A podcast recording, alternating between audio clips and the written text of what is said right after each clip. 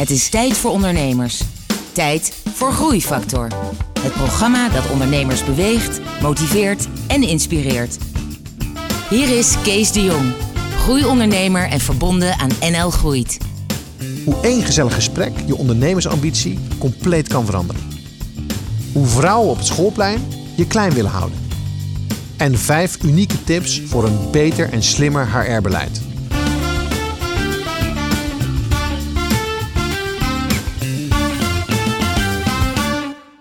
Hallo en welkom bij een nieuwe aflevering van Groeifactor.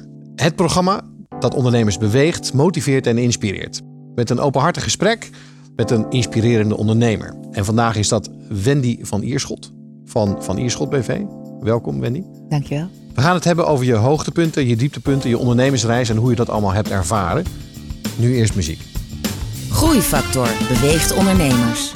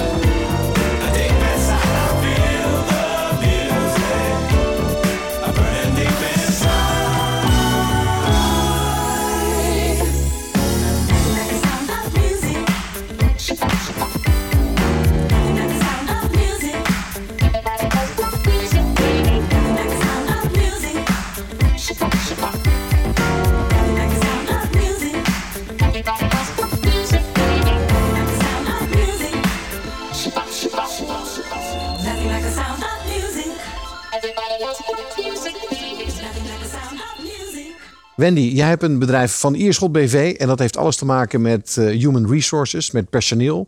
Um, ik heb, je kan het beter zelf uitleggen wat, wat je precies doet. Wij zeggen, wij zijn jouw HR. Dus voor ondernemers, eigenlijk is onze echte doelgroep ondernemers tussen 50 en 150 medewerkers. Zijn wij de interne HR-afdeling, hoewel we dat niet echt meer een afdeling willen noemen. Dus alles wat te maken heeft met aannemen van mensen, begeleiding, performance management, talent development, leadership doen we intern in bedrijven. Oké. In de afgelopen jaren ben je heel snel gaan groeien. Je hebt nu inmiddels 17 mensen in dienst. Ja. Ehm, en je bent FD Gezellig geweest eh, vorig jaar. Ja. Je hebt veel meegemaakt. Je bent begonnen als ZZP'er. Ja. Dat was in 2002. Twee, toen ik wegging bij Shell. En dacht, ik ga even een paar jaar. Ik, eh, ik ben toen trouwens begonnen met het idee, ik ga boeken lezen voor managers die er geen tijd voor hebben. heel goed idee, maar het verdiende echt helemaal niks. Uh, dus dat ben ik eerst gaan doen. Gewoon weer studeren en, uh, en heel veel lezen. En uh, op die manier. Toen kwam ik al snel achter, dat is geen businessmodel. Nee. En toen ben ik gewoon weer gaan ZZP'en als, als HR. maar het voordeel was wel heel veel wijsheid uit die boeken natuurlijk. Zeker, ja. ja, ja. Was dat het begin van jouw keuze om voor jezelf te beginnen? Ik was al voor mezelf begonnen nadat ik denk ik een jaar of anderhalf jaar bij Shell zat. Toen belde een vriendje van me op. Die werkte bij een bedrijf. En die, zeide, die zei, ja, je moet even je eigen bedrijf beginnen. Want uh, die uh, werving en selectie bij ons, uh, dat werkt van geen meter. Je moet even een training komen geven. Zo is het echt begonnen. Toen dacht ik, nou, is misschien best een goed je... idee. In mijn 42 vrije dagen van Shell kan ik best een dag in training geven bij een ander bedrijf. Okay. En toen totaal niet, want ik heb toen toestemming moeten vragen bij Shell of ik dat mocht doen. Mhm. Toen zei mijn toenmalige managers, nou dat mag wel, want dan leer je ook onderhandelen en allerlei vaardigheden die handig zijn ook binnen Shell. Als je maar weet je gemeente dat je niet weggaat. Nou, toen dacht ik, nee, tuurlijk ga ik niet weg. Ik bedoel, gewoon een leuke hobby erbij. En je ging weg. En ik ging weg. Op- Wat, heeft het, wat was de aanleiding voor jou om te zeggen, oké, nu begin ik helemaal voor mezelf? De belangrijkste trigger, die, zoals ik me kan herinneren, eh, was dat een, een vriend van mij zei: Ik weet eigenlijk niet of ik voor jou zo blij ben dat je nu al op die positie zit. We hadden het over carrières en dat ik eh, heel snel door die rangen ging. En, Want jij eh, was ook op weg om naar dat CMD, naar dat ja, management. absoluut. Ik was een van de weinige vrouwen met een, eh, met een eh, echte, ja, dat noemen ze dan bij, bij Shell een soort potentieel wat je nodig hebt om daar te Mhm. komen. En ik dacht, jij mag zeggen tegen mij van, ik weet niet of ik voor jou zo blij ben dat je Mhm. zo snel er doorheen gaat. Maar dan moet ik denken, nou, daar ben ik wel blij mee om die en die reden. En dat kwam helemaal niet. En dat vond ik eigenlijk echt eh, heel eh, schokkerend. En dat zette mij aan denken. Toen dacht ik op een gegeven moment, wie komt mij eigenlijk inspireren? Weet je wel? Mensen zeggen dan van, ja, je komt vernieuwing brengen. En we willen je graag daar, want dan kan je dat weer. Toen dacht ik, ja, wie, wie komt mij eigenlijk inspireren in mijn kamer hier? Maar goed, je, je, ging, je, je, je, je dacht bij jezelf, oké, ik, ik, Ik- moet toch ondernemer worden. Je begon ja, met nou, dat ik idee. dacht toen eigenlijk, ik, ik, wie komt mij inspireren? Waarom ben ik er blij om? Daar kwam niks. Toen dacht ik, ik loop ongeveer twee jaar voor op mijn peers. Ik wilde heel graag weer studeren. Ik heb ook uitgelegd binnen Shell, ik wil misschien wel vandaag een cursus sterren kunnen doen en morgen filosofie en overmorgen wil ik misschien wel. Ik heb uiteindelijk een postdoctorale opleiding voor gezins- en relatietherapie gedaan. Ehm, ook heel eh, toepasselijk. Nee, voor mezelf Oh, heb ik gewoon zelf gedaan. Ehm, maar ik wilde daarin kunnen switchen. En, en daar zit geen lijn in. Er was geen duidelijkheid van, oh, ik wil dit. Of ik, met dit doel ga ik dat doen. Dus ik dacht, ik ga gewoon eruit. Ik ga twee jaar kijken, wat wil ik eigenlijk? Ik ga gewoon lekker een beetje ZZP'en en boeken lezen voor managers die er geen tijd voor hebben. En ik kan altijd weer terug. Want dan solliciteer ik gewoon weer. Dan nemen ze me weer aan. Dan ga ik weer verder op dat pad. Als het een foute beslissing Ja. is.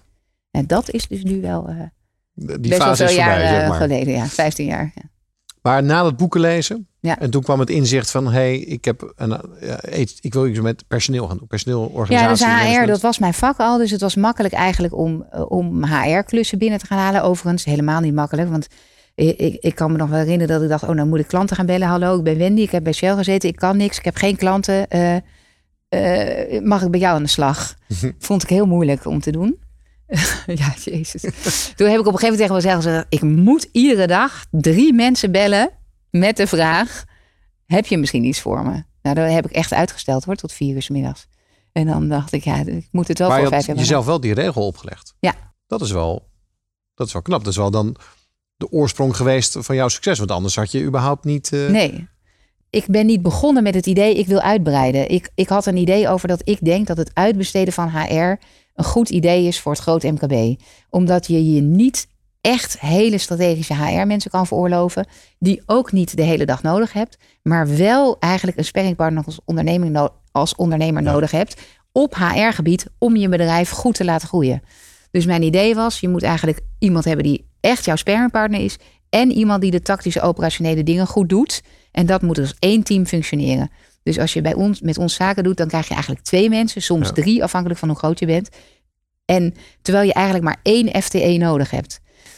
Dat idee had ik al. En toen werd ik gebeld door een klant waar ik gewoon wat advieswerk voor deed. Hun HR-persoon was weggegaan. En ze zochten een nieuwe. De, de helft van de sollicitanten waren strategisch maar te duur. En de andere helft waren operationeel tactisch en betaalbaar. En toen belden ze mij van... eh, wat vind jij nou? Moeten we nou naar die strategische persoon Ja. of die tactische operationele? En toen zei ik, ik heb daar een concept voor, namelijk dat je moet dat uit elkaar halen en dat als één product aanbieden. Ehm, maar dat ben ik nog niet begonnen. Dat ga ik over twee jaar doen als de jongste ook op de lagere school zit. Ja, want je, had ook, je was moeder geworden. Ik ben inmiddels ja, de moeder geworden. En je was toen ongeveer de- 30, dert- 29? Nee, ja, toen, als, toen ik begon als ZZP was ik 29. Dit was eh, denk ik, eh, toen was ik 35 denk ik. Oké. Ja, vijf jaar later, zes jaar later. En toen, eh, bel, dus toen zei ik, ik kan niet met jou erover sparren, want ik heb alleen maar dat idee. Dus ik kan alleen maar in die tunnel denken. Dus je moet iemand anders bellen, ander nummer gegeven. Toen belde zij een week later terug. We hebben het in het MT besproken, we vinden het zo'n goed idee. Waarom begin je er niet mee bij ons? Dan zijn wij jouw launching customer. Ik zat toen fulltime in een andere klus. Ik ben echt serieus met mijn man één blokje rond ons huis gelopen. En toen dacht ik, we gaan dit gewoon doen. Want deze kans krijg ik gewoon niet meer. En dat was de geboorte eigenlijk Van echt. van de groei. En toen belde je je vriendin. Van toen- weet jij nog iemand? Want ik heb dan iemand nodig die de administratie daar kan doen. Dan ga, doe ik zelf dat strategische Oké. deel. Nou ja, Weet je wat? We gaan het straks verder hebben over wat er toen gebeurde. Ja. En over jouw lange tijd dat je relatief stil stond met je bedrijf. Hè? Ja. Dat je langzaam groeide. Maar we luisteren eerst even naar muziek.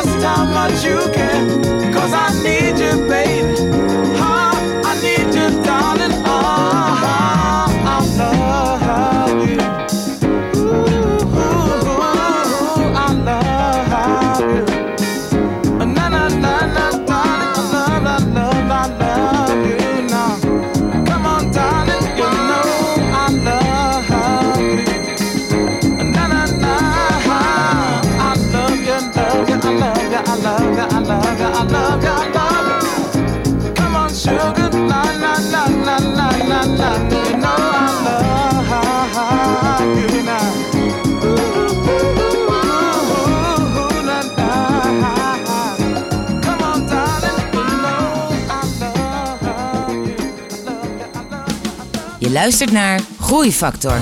Openhartige gesprekken met inspirerende ondernemers. Groeifactor beweegt ondernemers.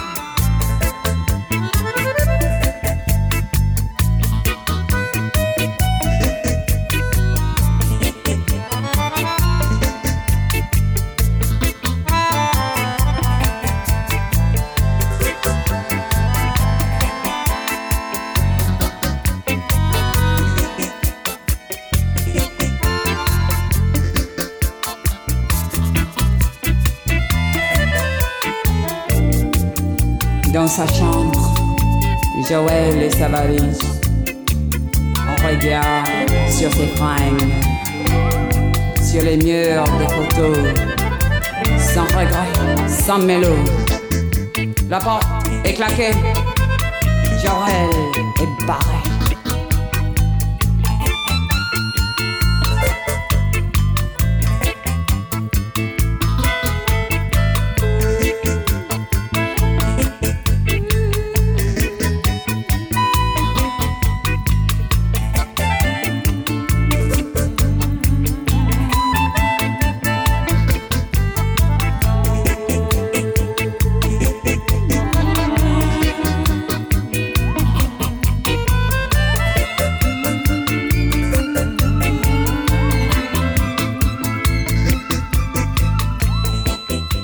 Grace Jones en daarvoor Weldon Irvine.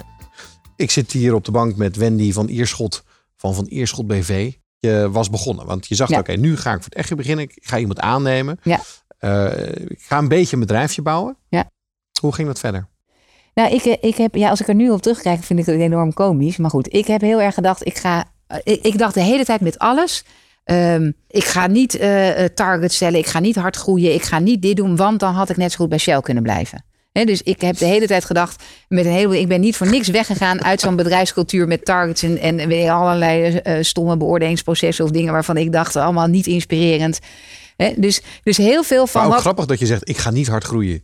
Nee, ik ga niet. Nee, ik ga, eh, ik ga niet. Dat was helemaal niet mijn. Ik dacht, we moeten organisch groeien en dan zien we het wel. En ik vind het leuk, ook met iedere medewerker die ik aanneem, wordt het bedrijf dus anders. Gaan we waarschijnlijk ook iets anders doen. Ik was er ook echt, ik ging er prat op en ik vond het ook fantastisch om naast MBA-studenten te zitten, mijn eigen vrienden. Ja. Die zeiden, dat was je businessplan. Dan zei ik, dat heb ik dus niet, maar we maken wel winst en we groeien. Ja. Ehm, maar goed, nu kijk ik daar wel weer iets anders tegenaan. Want als je dan verder bent en je wil echt doorgroeien, dan is toch een plan best wel handig. Hè? Om, omdat het ook eh, voor medewerkers herkenbaarder wordt van waar gaan we eigenlijk naartoe. Maar goed, voor die eerste vijf, zes mensen eh, was het ook helemaal niet nodig natuurlijk. Dus eh, het heeft me ook heel veel gebracht. Maar je bent lang op die vijf, zes mensen gebleven. Ja, en ook wel dan gingen we naar acht en dan gingen we weer terug naar vijf en dan gingen we weer naar zes en dan gingen we weer terug naar vijf. En, en nou, ik denk dat daar zijn we nu wel echt doorheen. Wat, Heb wat ze wel eens zeggen, dat je vanaf een man of acht, of vrouw of acht, of mens of acht, Ja. dat je dan als, als ondernemer ook ander gedrag moet gaan vertonen. Dat je Ja. de dingen anders moet gaan doen. Ja. En met vijf, zes, zeven maakt het niet voor uit, want je weet toch wat er gaande is. Heb jij dat ook zo ervaren? Eh, ja, ik denk dat, dat, je daar helemaal gelijk in hebt, maar dat wist ik niet. Dus dat heb ik denk ik moeten ontdekken in die. eh, want ik ging, ik ging dat allemaal niet doen wat allemaal wel in die boeken geschreven stond. Ik ging die ook allemaal niet lezen. Want, want ik wilde dat niet. Dan had ik net zo goed bij Shell kunnen blijven. Ja. Eh, maar ik denk Maar wel. wat ging er mis? Nou, wat ging er mis? Ik denk, ik denk wat echt eh, heel moeilijk uit te leggen is. Ik weet ook niet of dat overkomt op de radio. Maar eh, we hebben met dat kleine groepje denk ik heel veel intuïtief gedaan. Dus wat ging er mis? Als je dan weer iemand aanneemt, dan ga je eigenlijk op basis van dat je iemand aanneemt, merk je dan, hé, hey, die gaat iets anders doen. Maar dat is helemaal niet wat ik wil. Want wij konden niet van tevoren zeggen, dit is zoals wij HR doen. Hè? Want eh, wij, ik denk dat wij het heel anders doen dan de gemiddelde HR-afdeling. Dus wij namen wel mensen aan met HR-ervaring. Dachten we, we selecteren de goede types. Maar als je eigenlijk niet echt weet, wat doen wij nou? Precies anders. Dat is gewoon een soort van gevoel of iets wat we... Dan kan je dus ook niet de goede selectie maken. Kan je dus ook niet uitleggen, dit is zoals wij werken. En dat willen we wel en dat willen we niet. Het klinkt ook een beetje als de deur van de schilder. Want, want jij bent Ja. HR Ja. en jij, jij, jij moet onder andere, een van de taken van HR is het recruteren en het werven. Dan Ja. ga je precies de mensen zoeken die, er, die erbij passen. Ja. Qua kernwaarden en cultuur en, en noem alles maar op. En dat kan ik dus supergoed. En als ik zelf in een selectiegesprek zat, dan ging ik dus denken, wil ik met jou aan een kerstdiner? Want bij Shell zat ik aan een kerstdiner met van die mensen waarvan je echt dacht, hoe dan de hele avond. Dus dat wilde ik niet in mijn eigen bedrijf. Dus, dus ik ga dan ook gesloten vragen stellen van, eh, je bent zeker wel, eh, het is voor ons heel belangrijk dat je eh, goed de dingen oplevert, snel Ja. bij klanten. Hè? Want ze willen resultaatgericht. Je bent heel resultaatgericht. Nou weet je, ja natuurlijk, iedereen is resultaatgericht. Wat vind ik het wist dan fijn om te horen dat zelfs een HR-professional dit ook... Want dit is natuurlijk een veelgemaakte fout. Ja, natuurlijk. En het, het, het leuke is wel om dus te weten... eh, het is echt anders of je het voor iemand anders doet of voor jezelf. Dus ik zeg ook nu tegen ondernemers, maar ook tegen leidinggevenden... die gaan gewoon kijken, pas jij in het team? Ben jij... Het is veel moeilijker om goed uit te vragen... ehm, wat heb je eigenlijk nodig? Overigens denk ik, maar dat is even een ander eh, bruggetje... wij zijn als mensen gewoon heel slecht in het bepalen... of iemand goed die rol kan doen ik denk dat technologie in de toekomst dat gewoon helemaal van ons gaat overnemen. Dus er zijn gewoon algoritmes die ons die gewoon veel beter kunnen kijken op basis van eh, LinkedIn contactgegevens, Facebook profielen, testen die je doet, maar ook facial recognitions. Ehm, eh, gewoon testjes die je doet eh, achter de computer om te kijken, hey, is dit een goede projectleider of niet? En dan vervolgens kun je zeggen, het gesprek moet gaan over de klik. Pas je bij ons? Voldoe je aan de kernwaarden? Eh, eh, wil ik jou in mijn team hebben? Dus daarmee wordt ook de HR-functie verrijkt of dan wel verarmd.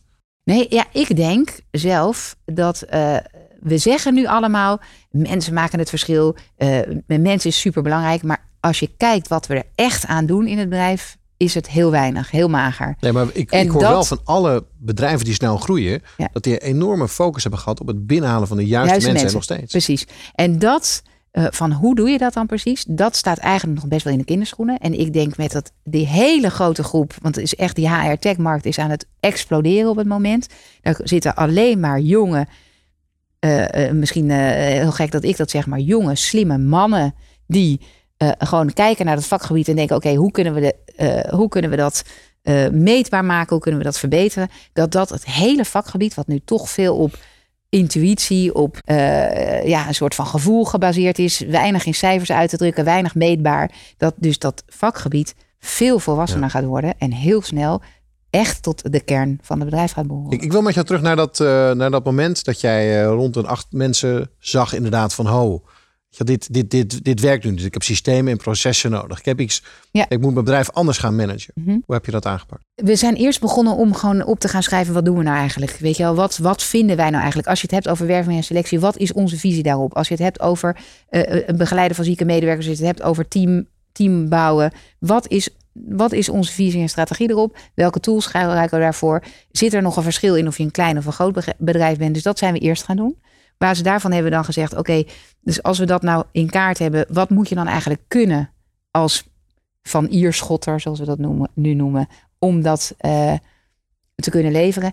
En daarna zijn we gaan kijken wat voor opleidingsprogramma moeten we dan binnen hebben om mensen dat aan te leren. Dus we denken systemisch bijvoorbeeld, nou oké, welke, welke training kunnen we daar dan op geven? Of hoe laten we dat terugkomen in onze teammeetings? Of hoe laten we dat... Het klinkt als een grote overgang naar een soort eh, situatie waarbij alles op intuïtie Ja. ging naar een soort Expliciet systematische maken. aanpak. Naar een soort de militaristische tjak, tjak, tjak. Zo moet het in, in die vakjes. Ja. En, Ja, precies. En dan proberen we nog wel een beetje vrij. Want mensen denken natuurlijk ook waar, waar Ja, precies. En ook voor medewerkers die denken dan ineens: ja, wacht even, ga je me nu in een hok stoppen? Moet ik nu ineens volgens een methode doen? Voordat we gaan praten over die groeifase die je hebt eh, doorgemaakt daarna, Mhm. waardoor je ook FD Gezellen bent geworden. Ja. Nu eerst muziek.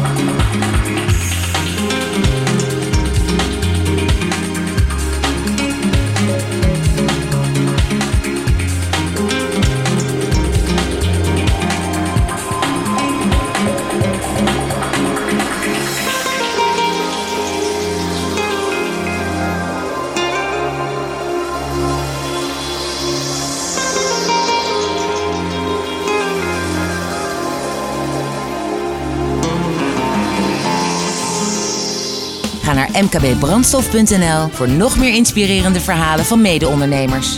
Groeifactor beweegt ondernemers.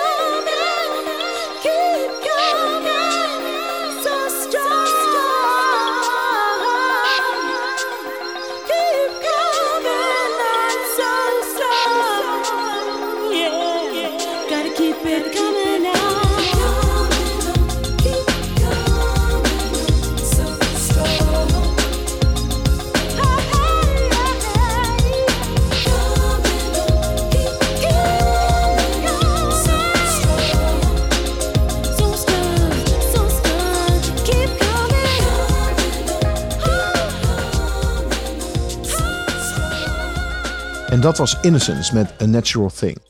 Ik ben nog steeds in gesprek met Wendy van Eerschot. Wendy, we hebben het gehad over jouw ontwikkeling als ondernemer. Ik wil eigenlijk nu iets eh, weten. Dit is ook een muziekprogramma. eh, hoe jij staat met muziek. Heb jij een relatie met muziek? En, en dat- ik zou wel graag een relatie trouwens. Misschien wel beter dan een relatie met een man. Gewoon een relatie met muziek hebben trouwens. Maar eh, ja, zeker. Ik heb een relatie met muziek. Ehm, eh, ik moet zeggen, ik luister nu. Ik breng regelmatig mijn dochter naar school. Die moet met de auto. Dan eh, zitten we gewoon lekker de top 40 op Radio 538 te luisteren. Maar ehm, ik gebruik een nummer van Stef Bos. En nog een Zuid-Afrikaanse dame. Dat heet eh, Taal van die Hart, geloof ik. Ja. Eh, ik, ik onthoud het altijd als de taal van mijn hart. En ehm, dat nummer dat zegt iets van eh, ik ken mezelf als een held en als een hond, weet je. Dus het gaat heel erg over ik, ik ben in de buitenwereld en ik ben van binnen. En dat gebruik ik wel eens. Ik zet het wel eens op als ik iets spannends moet doen. Mhm. En dat ik denk, oké, het belangrijkste is dat ik mezelf ben. Dat ik niet en als denk, je iets zakelijks... Van, zakelijks als je- of als ik een presentatie moet geven of denk Ja. ik moet wel, ze moeten me wel leuk vinden. Hè? Of eh, ze moeten wel, ik moet wel intelligent overkomen. Ja. Eh, dan gaat het namelijk meestal mis. Hè? Als ik, ik weet niet hoe dat bij jou zit, maar als ik intelligent moet overkomen voor mezelf, lukt het niet. Dan lukt het niet. Nee. Ga ik de meest stomme dingen zeggen. Eh, dus dan denk ik, oh ja, ik moet gewoon terug en relaxed. En dan luister ik naar dat nummer. Maar ehm, eh, als je zegt, waar word je nou vrolijk van? Dan is het bijvoorbeeld een lovely day. Nou, daar gaan we nu even naar luisteren.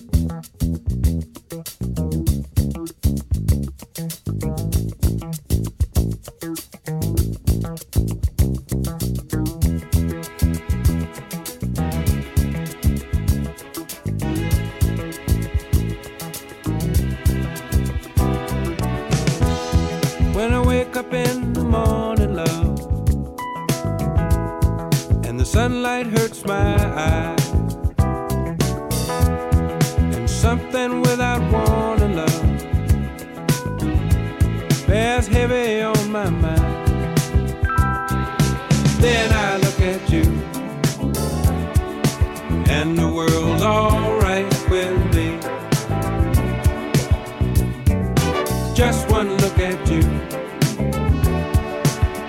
I know it's gonna be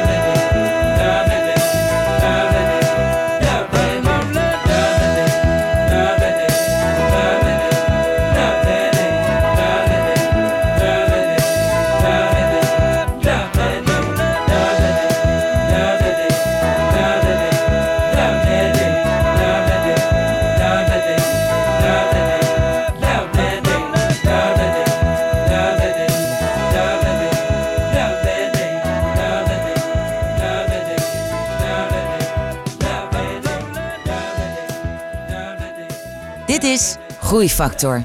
Ik ben nog steeds in gesprek met Wendy van Ierschot. Heb je ook nog tegenslagen gehad? Eh, ja, want in die fase voordat ik dat FD Gazelle... eh, heb ik een medewerker gehad die bij een eh, klant zat. Een grote klant, 30% van onze omzet. Ik, ik vertrouwde heel erg op die omzet. Dat ging, liep ook iedere keer. Ze zat al drie jaar eigenlijk bij die klant. Steeds in andere klussen. En op een gegeven moment... ehm, ja, heb ik zelf haar ook zoveel vertrouwd in het contact met die klant. dat ik zelf niet meer al een jaar bij die klant was geweest. En eh, ja, op een gegeven moment had zij met die klant afgesproken van ik kan het ook wel als ik zelf voor mezelf begin Ja. eh, voor jou werken. En ik had weliswaar een concurrentiebeding erin zitten. Maar op een gegeven moment dacht ik, ja, de situatie was zo dat zij met die klant had afgesproken, ik ga dat voor mezelf doen. Met mij wilde ze afspreken, ik ga als ZZP'er beginnen. En ik dacht, ja, ik kan dat nu verbieden. Maar dan raak ik die klant. Ik heb al zo lang niet contact met die klant. Dat het, en zij zit zo in dat project. Als ik nu zeg, het is niet goed, dan raak ik die klant kwijt. En haar. Ik bedoel, zij heeft dan ook die klant. Dus dan Ja. is het een, ik kan alleen maar een lose-lose ervan maken. Of het wordt een win-lose. Ja. Voor beide, voor mij is het hetzelfde. Maar 30% van mijn omzet, jongens, was ik kwijt gewoon daarmee. En je was eigenlijk een beetje verraden. Het voelde zo, ja. ja. Ik weet zeker dat zij dat niet zo heeft ervaren. Maar eh, de reactie uit mijn omgeving was wel van... jeetje Mina, hoe, hoe, eh, is, dat, dat kan toch niet, weet je wel? En ik heb alles toen overwogen en ook bedacht van mezelf... het was zo'n... van ik kan beter mezelf richten op... hoe ga ik dit oplossen... dan veel energie stoppen in dit recht breien. Want ik zag niet hoe ik daar nog een win-win uit zou kunnen halen. En voelde je ook niet een heel klein beetje schuldig naar die klant? Dat je die klant zelf al... Want dat is nou, alles niet waar je... schuldig naar de klant, want de opdracht liep goed. Maar wel eh, dat ik, ik vond mezelf gewoon enorm naïef. Ja. Ook dat ik dacht, Nee, maar een klant die een derde van je omzet is, dat je die een jaar niet ziet. ja. Ja, dat is misschien, eh, dat zou me nu niet zo overkomen. Aan de andere kant kijk ik de hele tijd naar wat vraagt die klant. En als ik, ehm, als ik het idee had dat ik iets had kunnen toevoegen aan die opdracht door langs te gaan. Maar vaak, soms dan kom je dan langs om koffie te drinken, om contact te houden. Ja, wat heb je daaraan? Dat weet je als Nou, ondernemer ook. Nu, nu weet je dat inmiddels. Ja, nu weet ik dat, ja. ja. Ja, en nu weet ik ook van dat het toch belangrijk is om dat contact gewoon goed te laten, te laten verlopen, ja. En ook om weer meer business er soms uit te kunnen halen. Of. Heb je nog andere tegenslagen gehad? Ja, maar dat is vrij recent. Dat ik, eh, ik werd op een gegeven moment op een ochtend wakker. Na een groot event wat we hebben gedaan, wat heel eh, succesvol was op HR tech gebied. Toen werd ik wak- wakker, toen zag ik met één oog een soort schimmer in mijn beeld. Toen dacht ik, dat is gek.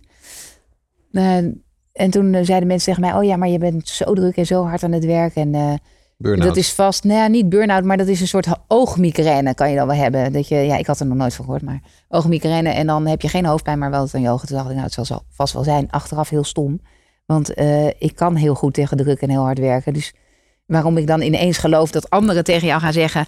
hé, hey, misschien werk je wel te hard. Maar goed. Ja. Dus ik heb daarmee rondgelopen. En eh, toen dacht ik na drie dagen... god, het wordt een beetje erger. En het gaat ook niet over. Moet misschien even naar de huisarts. Ik dacht eigenlijk, ik heb vast een virus op mijn, in mijn oogvocht of zo. Moet misschien een beetje antibiotica in. Achteraf bleek het een netvliesloslatting te zijn... waar je binnen 24 uur geopereerd moet worden. Ehm, en, eh, en eer ik tien dagen later bij de huisarts zat... omdat ik ook nog dacht... zei de huisarts, "Ja, je kan morgen wel komen. Dus toen had ik een grote acquisitie. dacht, ja, morgen kan niet.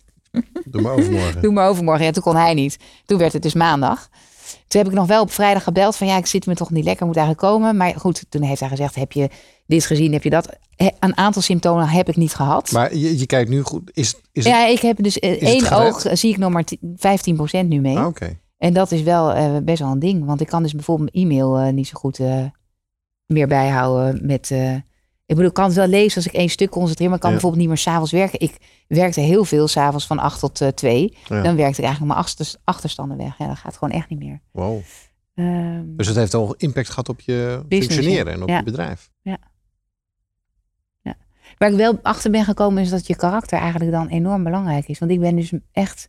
Ik heb natuurlijk enorm gehuild even die dag dat ik dat hoorde. Van oké, dat gaat dus nooit meer goed komen. Maar de volgende dag al dacht ik, oké, maar dit gaat mij dus niet... eh, ik kan hier gewoon mee leven. En ik heb nu een PA die mijn, die mijn mail doet. En eh, Kijk, en, dat- en, Ik en dat concentreer was het moment dat je dingen. echt dacht, ja, nu ben ik echt ondernemer. Nu ben ik echt ondernemer. ja. En ook zelfs in, toen ik moest liggen met mijn ogen. Een week lang moest ik dus met mijn oog op één, moest ik op één zij liggen. Omdat er Ja. gas in mijn oog zat. Wat dat, wond, wat dat netvlies dicht moest maken. Dan zit ik gewoon nieuwe plannen te bedenken. Weet er ook niet wijs. Nee. Ja. Openhartige gesprekken met inspirerende ondernemers. Je luistert naar Groeifactor.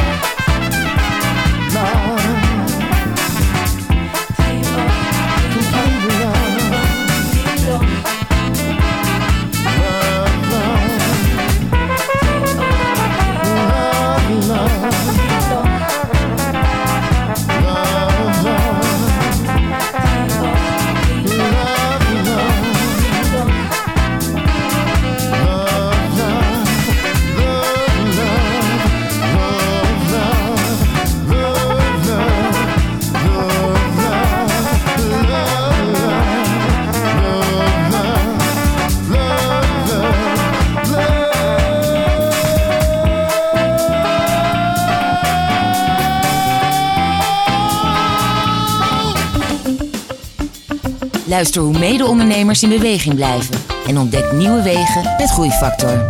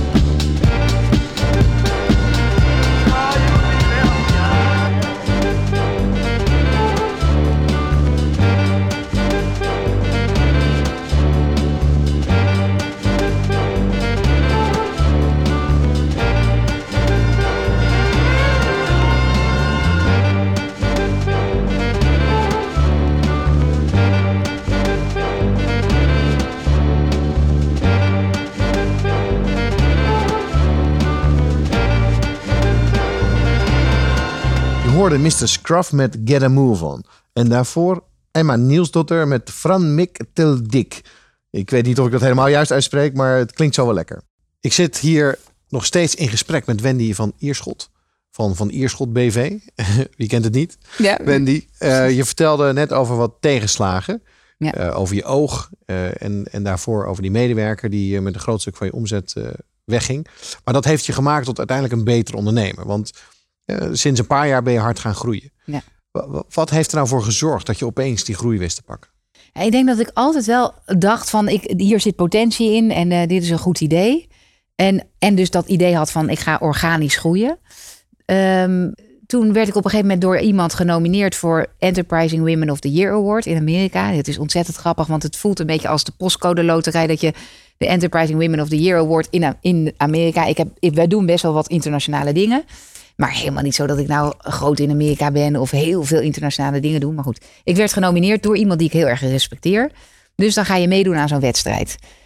Waarvan ik natuurlijk dacht, nou die ga ik nooit winnen. Maar goed, Ehm, ik had gekeken naar de criteria op basis waarvan ze dan eh, gingen selecteren. Dus ik dacht wel, ik vulde het formulier een beetje zo in dat ik ook wel dat ze die tick the box voor die criteria kunnen doen. Dus ik had daar goede voorbeelden voor gegeven, denk ik.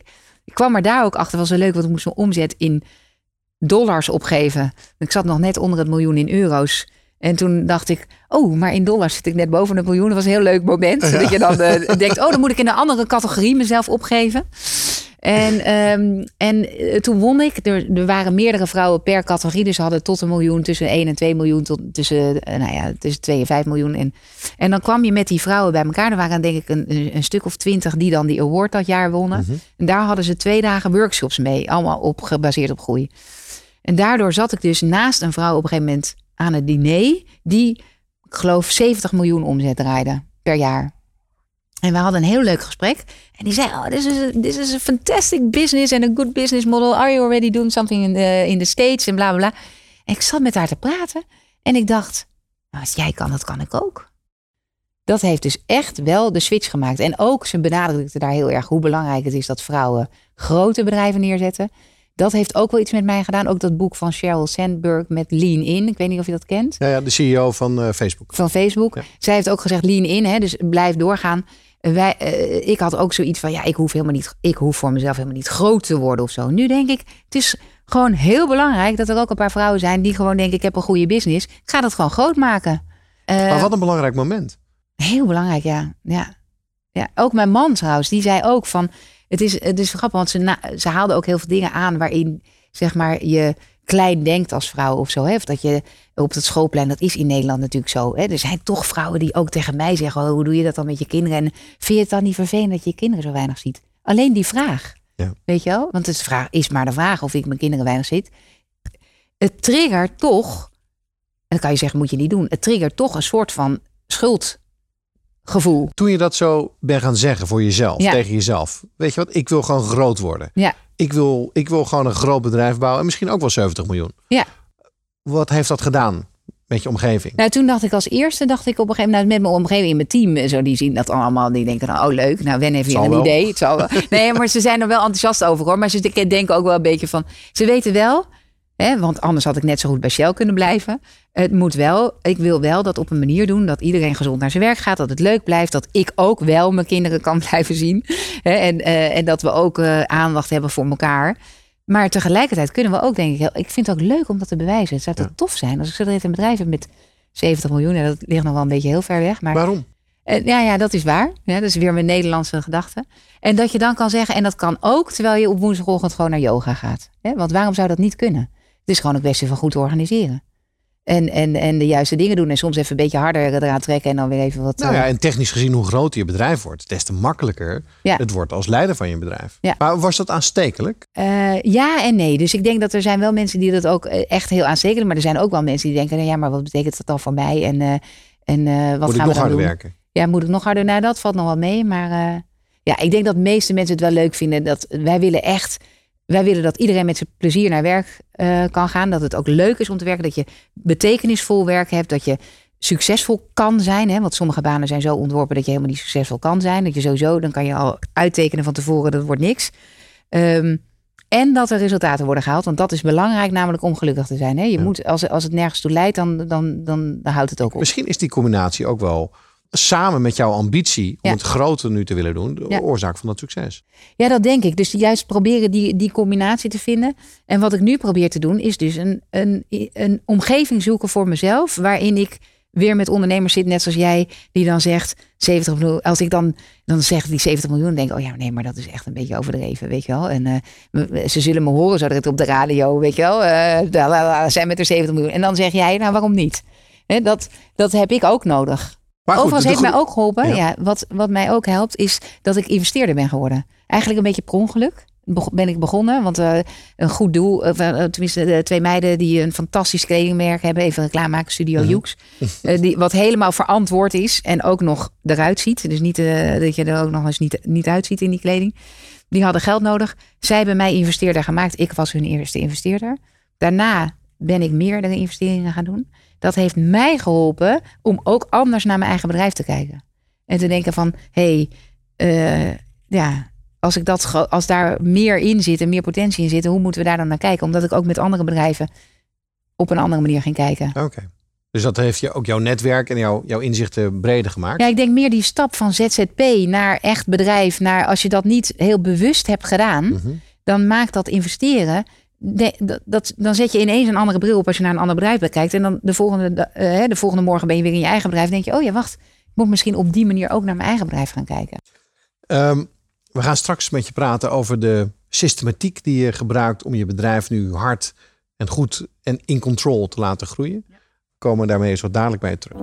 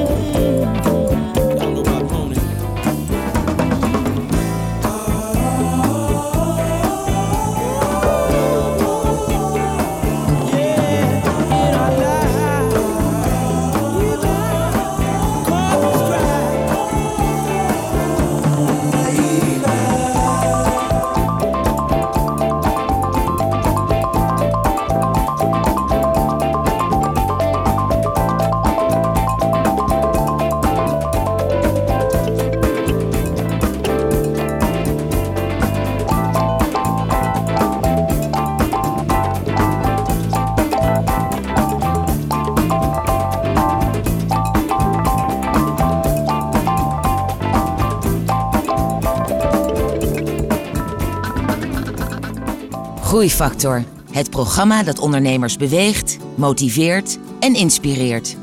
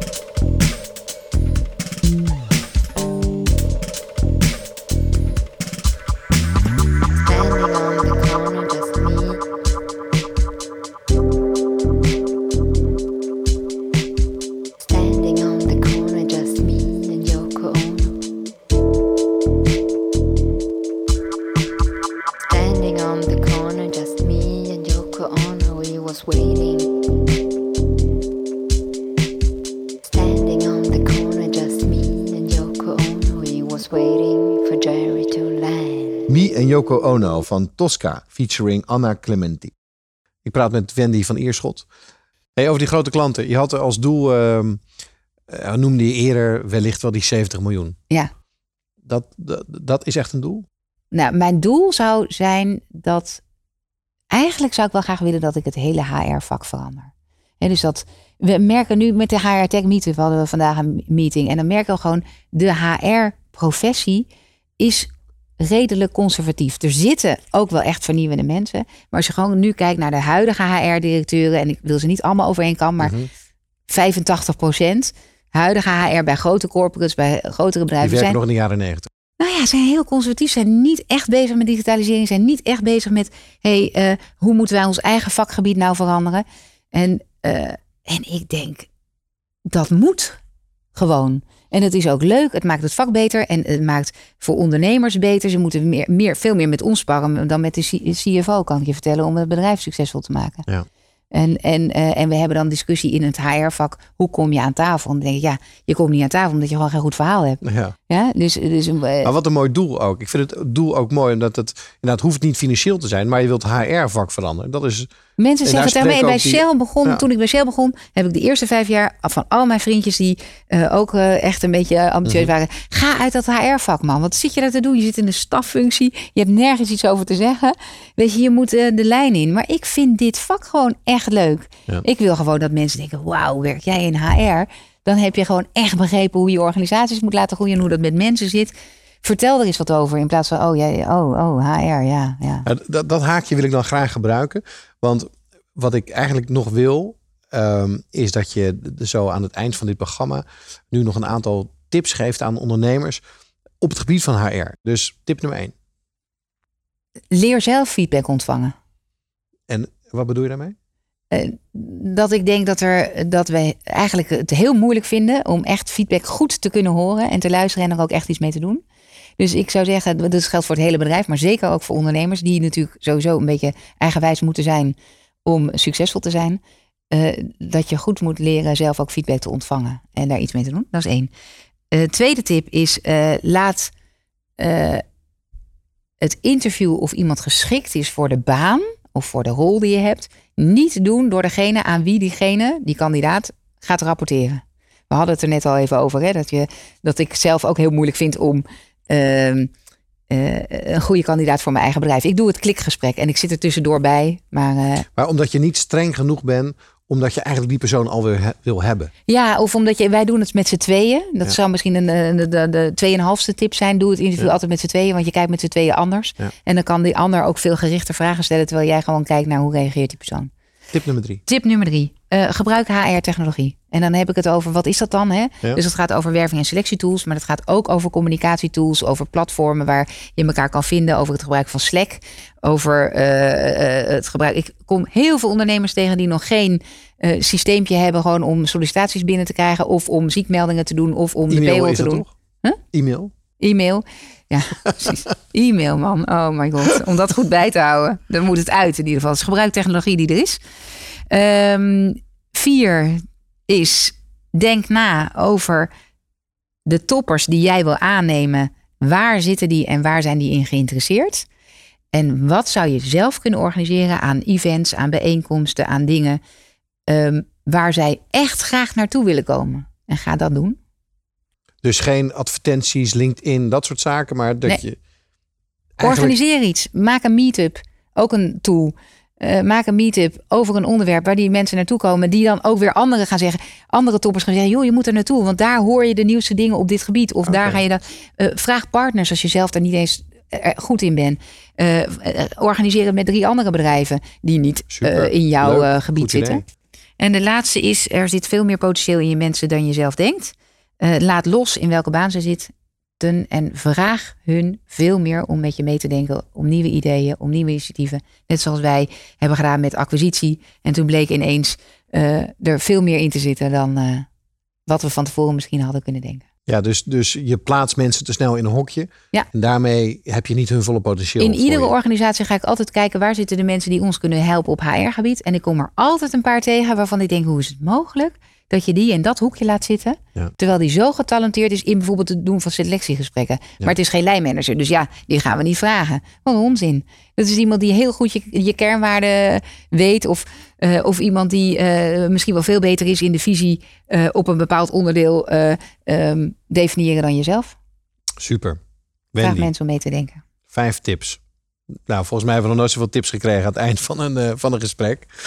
Eh, ik wil je enorm bedanken. Eh, ik, ik was echt eh, geïnspireerd eh, door dit gesprek. Met name over jouw verhaal over die, eh, die 70 miljoen. En dat dat zoveel met jou deed. En ook over de tegenstelling in Nederland op het schoolplein eh, met de andere moeders. Ik vind je een fantastische ondernemer. Ik weet zeker, ik weet niet of ik de 70 miljoen gaat halen. Maar Nee. als ik kijk naar hoe je nu ontwikkelt, is dat echt een fantastisch verhaal. Dus ik wil je graag eh, bedanken voor dit gesprek. Dankjewel. Allemaal bedankt voor het luisteren naar Groeifactor. Graag tot de volgende aflevering en voor nu nog een fijne dag. Ga naar mkbbrandstof.nl voor nog meer inspirerende verhalen van mede-ondernemers. Groeifactor beweegt ondernemers.